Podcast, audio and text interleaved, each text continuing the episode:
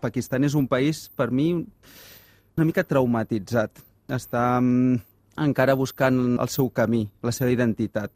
Pakistan és enorme, és gegant, és contradictori, potser parlem de molts països, però és molt interessant. Precisament aquest misteri, què és Pakistan, eh, costa d'explicar-lo. De, de, la Índia, relativament, amb la seva complexitat, és fàcil d'explicar. El Nepal, l'Iran, els països veïns...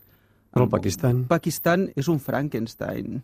Per on vas començar, aquest Frankenstein? Bueno, la meva experiència va, ha estat en un període de 3 anys, però si et sembla podem començar per la darrera experiència, que és la més fresca, i vaig començar per Lahore, per la capital del Punjab. La capital cultural, també. Sí, li diuen la ciutat jardí, és una ciutat que està a la frontera amb la Índia i on el 70% de la gent, dels seus habitants al 47, quan el senyor Radcliffe a un despatx de Londres estava guixant un mapa, el 70% de la població era hindú.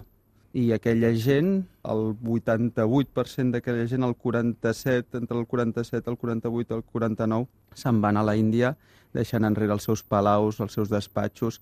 I això, després de més de 70 anys, eh, encara es nota en l'ambient, l'economia, aquell buit de gent social, intel·lectual, financer, no va ser substituït al mateix nivell. Els palaus van ser ocupats per gent pobra del Gujarat, en la seva majoria gent musulmana, i clar, dius, què passa aquí?